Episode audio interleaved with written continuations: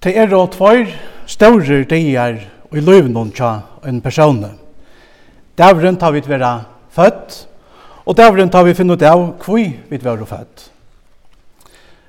Nekka sålar sier skotske presteren William Barclay. Og jeg husker at hese i årene i høska vel, ser vi enda praktikoteksten som vi da var hørst i det. Her Jesus legger dent da, at vi må være født om matur, for å være sammen vi gode, nå og alltid født om at.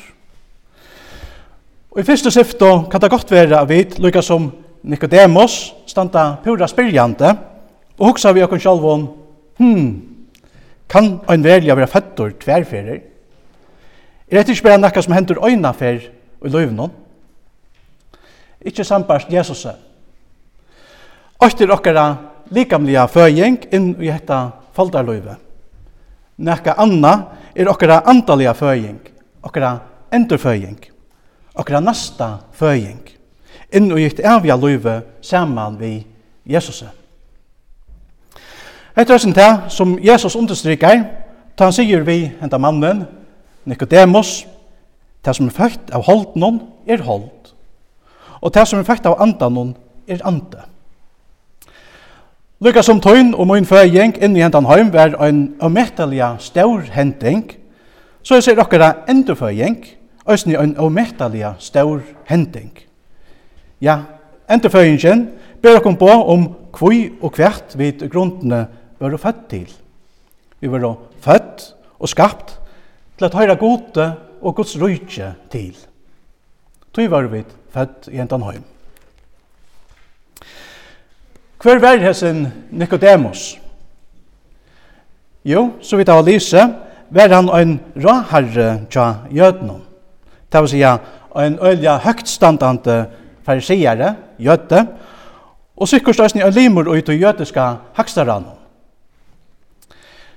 av mittlen er dette altså en sera hotvirtur mevur som nu kommer til Jesus. Og drømt ikke i at han hever vært ahuaver uh, og Jesu lærer. Han brukar enda høyte rabbi om Jesus. Det vil si en lærere vi ser kunnløyka om de jødiske skriftene. Så møter altså Jesus av vi viring. Og det ser også ut til at Nikodemus ikke er den øyneste fariseren som er ved Ahua og jeg vita Moira om Jesus. Han sier jo, vit vita, at du er lærere, kommer fra gode, til at andre kan gjøre disse tekjen som du gjerst, og den god er vi honom. Men det har også vært ærer farsier som har vært meira futtjenta sindaier motveges Jesus. Etter sikkerstøysen i årsøkken til at Nicodemus kommer til Jesus om nottena. Han har vært avhåver, men samståndes østene bensjen for å være satt og sammen vi Jesus. Det kom til jo gjenge ut over hans omdømme. Og med ærer farsier er så han sammen med er som mannen, Jesus, er Nazaret. At Nikodemus kommer til Jesus om nottene, benter altså han, at han i hese løgto ikke har vært til røyer at fylgja Jesus om dagen. Og kvendt som god jo ikke for jokken, at vi fylgja honom kvendt det og Jesu løyve.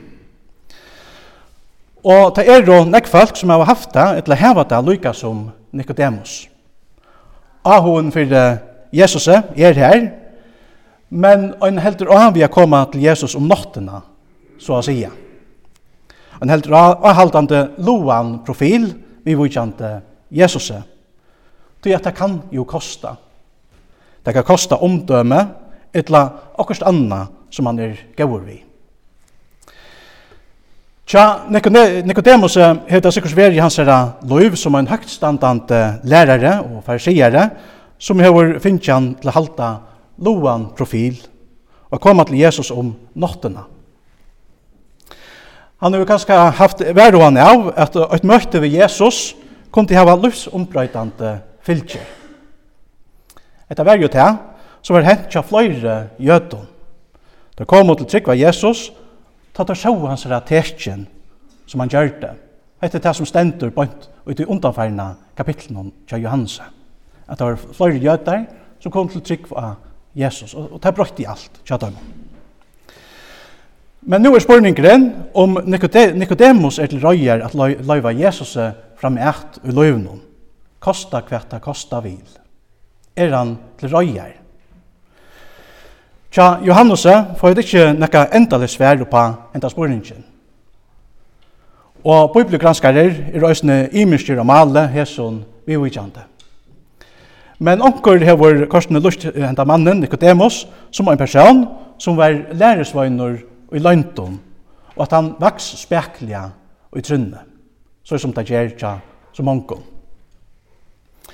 Henta løyta saman vi Jesse, hessa nottna, hefur auiva sessunni spår og i løyvnum tja Nikodemus. Hetta var et helt særligt møte hessa, hessa nottna. Søttene tja Johannes så tja vi nemlig at Nikodemus verger Jesus i fyrir høvespresten og øron persier. Så ta er det meira allmennere i synden til som han gjer. Så her ser det ut til at han nu finnes meira dirve enn avr. Og ta Jesus var gravlagtor, Ta var Nikodemus øsne til stier, som har vi en øron farsiere, som er at Josef. Josef ur Arimateo. Han var en lærersvein til Jesus, men som det stendur, så var han da i dolton av økta for jødene. jødene. Josef og Nikodemus stod jeg bare fram imot i endan av evangelien til Johannes. En bibelgranskare har sagt at hese bæjer fariseerne må hava kjent kvann annan. Og at de hava avtala søgna mittlen hvert år skulle tekka vi i sambandet vi Jesu gravlegging. Josef, han tåk seg av loinklaunen, og Nikodemus tåk seg av salvene, som det stender om Mirro og Alo. Vi vitjant Nikodemus, ondstrykker i sin her samme bibelgranskaren, og sier, Her sykja vi jaunløykan tja Josef, en annar limur og jødiska hakstaranon, så vekna Jesu deia gjørtist djervor, og som at enda tøvnaje rønt flagg. Det vil sija at han ikkje langkur lett nekran iva vera om um, hans era uh, støvo i fyrir Jesu mannen, Jesus. Han tøvnaje rønt flagg. Det var jo en større mångt av salvo som Nicodemus skaffade akkurst om 100 pund løser vi. til Øljanegv. Så det sier ikke åndsje. Enda mongten var jo nok til å gjøre Jesus en kongalige gravlegging. Nekka som er sera høskande, da talan jo er om kong, kongana, Jesus. Som avur nevnt, vita vi ikke hva søyan i hente vi Nikodemuset. Men det som vi sutja i dagsens tekste er at han hever et høylt særligt møte vi Jesus hesa nottena. Og at alt det som han heldur seg vita om Jesus, det vil alt vent og høtte. Nikodemus sier vi Jesus, vit, vita, og så vi er det. Og Jesus han sverar Nikodemus personliga og sier vi han, sanneliga, sannliga, sier et her. Ønske kan suttje hos rujtje, utan han blir født av nutjon, sier han personliga vi Nikodemus. Men hva mener Jesus vi, da han sier at vi skulle være født av nødtjon? Jo, vi har så vil han nemlig understryka at lukka som vi ødel vera født øyna fer, likamlige, så la oss ha vi ødel øyne bruk for å være født omaktor, ikkje likamlige, men antallige, vi trunne av Jesus. Og ta Jesus bor i okra gjørstånd, ta få ut øyne i alt det som god vil gjøre okkon, bei herra folk, og heima tja gode og himnon. Vi får alt fra Jesus. Det er også hekta som fer etter fer, verir understrykka at en prestor, etter døp i kyrkene, legger håndna av en døpta og sier i årene. En allvalde god, feg var skjerra Jesu Krist, som nu hever endurføkt hev i vattnet og heilavon anda, og hever vatt der fyrirgjeving sindana. Han styrkje til vi nøye synne til et avja løyve, og så var jeg det. Hetta er at vera føddur, eller født av, av vattne og anda. Så er som vi tar snitt og hørst av Jesu munne og i det. Og etter høysen nekka som Jesus innskjer for jokken ødl, han gjør jokken døpsbøyne og sier, det kjente årene som vi tar i samband med døp, Færre tog og gjør i öll falkasløyene til læresvøyner munner, vi tar at de døypa teg til hans fægersens og sonarens og hans høyleie anda. Vi tverra født av nutjon vi døpsens sakramentet. Og i Luttel og katekismus understrykker Luther og etter her og, sier om døpen at døperen virker firegjeving sindana, løyser fra deianon og djevnlon og gjør øtlund tøymon og hesson trykva hinne evige, evige sælo. Så løys genga vi inn i Guds rydtje. God han er jo virksamur i døpnon og samøyner hinn døpta vi Jesus. Og dette blir gjørst under avkattlan av hinnom tri øynja gode. Nå er det tri øyndar dævor i det, så dette blir gjørst under avkattlan av hinnom tri øynja gode. Til hans fægersens og sonarens og heilai andans. Og hervi er hinn tri øynja gode øysene til stigar og virksamur ut i kristna døpnå. Men lykka som Nicodemus kom vi til standa pura spyrjante og sia Hvordan kan hetta bæra til? Hvordan bæra det i grunden til at mennesker så vidt kunne være født av nødjon vid døpnån og få av syndene fyrigjøving? Hvordan bæra det til? Jo, det bæra til vekna krossen. Tog er det Jesus sier vi Nikodemus at Jesus skal være opphevja vår, lykka som Moses hevja i opparmen i øymersene. Til tess at øyne kvar som tror skal hava evigt liv i honom. Og i Ære Mosebøk lesa vi om hvordan god bjerga i Israels fæltje undan faro og traldømnen i Egyptalandet. Og kjent søva. Israels folk hei tar rævlet her, men god hei hørstøyra bøner om hjelp, og vildi jo sin kærløyga bjerga tøymon ut ur Egyptalandet, og løyja tei inn i talandet som han sjálfur hei lova tøymon. Og det gjør jeg nøysene. Og i fyrstene var det ikke annet glede, at god teg i bjerget av mån, men i øyemørsene jeg de at gløyma hvordan jeg god til grunden hei gjørst for deg. Det begynner de enda å grenja, begge inna god og Moses, så er så vidt av hørst. Det var øvnøkt vi omstøvner og sett og Hvor løyte de dokken ut ur Egyptalandet til å dødja i øyemørsene? Her er jo hversi brei, et la vatten, Og kun vi enda ringa mært, som vi tar i det.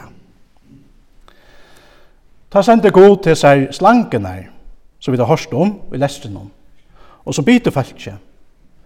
Men ta hekta hente, vente til seg til Moses, og sin nei, og bør han bya god om at bøyna fyrje som ormen, som slangen.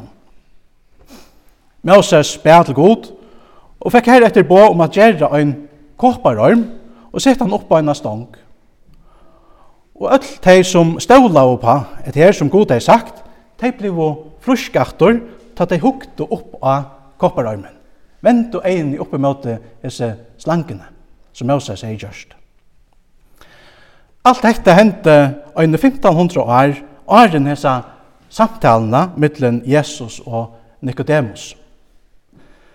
Men hos flere hundra år og lien, så gjennom Moses hevja i opp armen og i øymersene, så sier Jesus korsene vi Nikodemus, hessa nottene, at her grunden er en djupur samanhengur mittlen Jesus og koppararmen. Jesus han sier nemlig vi Nikodemus at øyne kvør som tror han skal ha evigt liv, lykka som öll teg som hukt oppa koppararmen vi øyemørsene og sinne varvøyt og løyve. Så han samanlukna seg sjálvan vi koppararmen. Eller koppararmeren pekar fram av Jesus. Lykka som tei slankebytten og feltsjene og i øyemørsjene hukte på kåpararmen vi trygg og i vevn om at god vær mentor av bjergataimon, så er det øysene vi der og mer. Men tjokken er det ikke slanke øytor som er trobeløyken. Talan er om et helt annars le av øytre, nemlig vi kan kalla det sinta øytren, sinten som gjør skillna mellom okkon og god. Og jeg tror at alle mennesker har hentet hentan synda øytren i seg selv, så har alle mennesker også bruk for å være født av nødtjon ved trunne av Jesus. Dette er noe som vi alle mennesker har tørva. Det er også det som Jesus understryker for Nicodemus, da han sier vi igjen, og en som Moses hevja i opp armen og i øyemørsene, så løs øye menneskesånderen at være opphevjaver. Til tess at øyne øynekvær som tror skal lave avvitt liv og i hånden. Lyka som god gav taimon slangebittene og sjuk og felkenon og i øyemørsene en koppar arm og en stong at hitje på. Så løs vi god nu òsne av lyknande hatt giv i okkon Jesus og hans herra kross at hitje på. God han elskar te og me. Og då sendte han Jesus til okkon for at bjerg okkon. Ta som tror han, hikkur sjåan til øysene og på han lykka som tæs langobytten og felskene hukto på kåparøymen.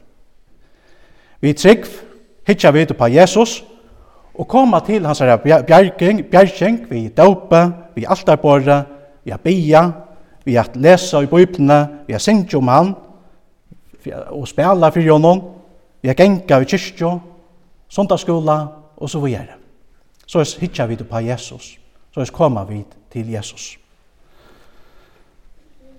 Og årene som Jesus sier vi Nicodemus, er og øsne galtante for jokken som er savna her i dag. Ein som Moses hever jeg opp armen i øyemørsene, så løs øye menneskesåneren at være opphevet av år, til tess at øyne kvør som tror skal ha evet liv og i hånden.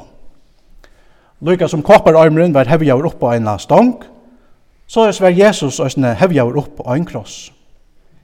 Så spørningen er, hever to hukt på tøyn koppararm, Hev du hukt på Jesus?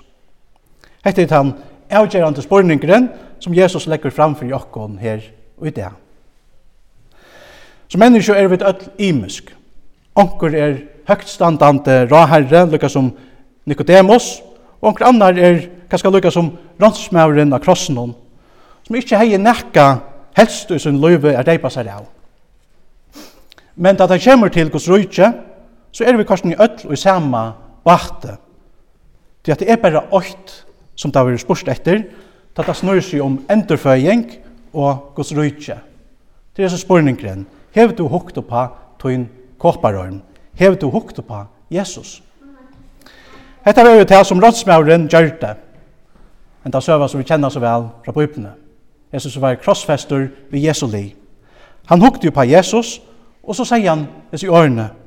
Jesus, Minst du til mun, ta du kommer i rujtjetuit. Og hva sier Jesus vi han? Jo, han sier, sannelig jeg sier det her, og i det skal du være vi mer og i paradis.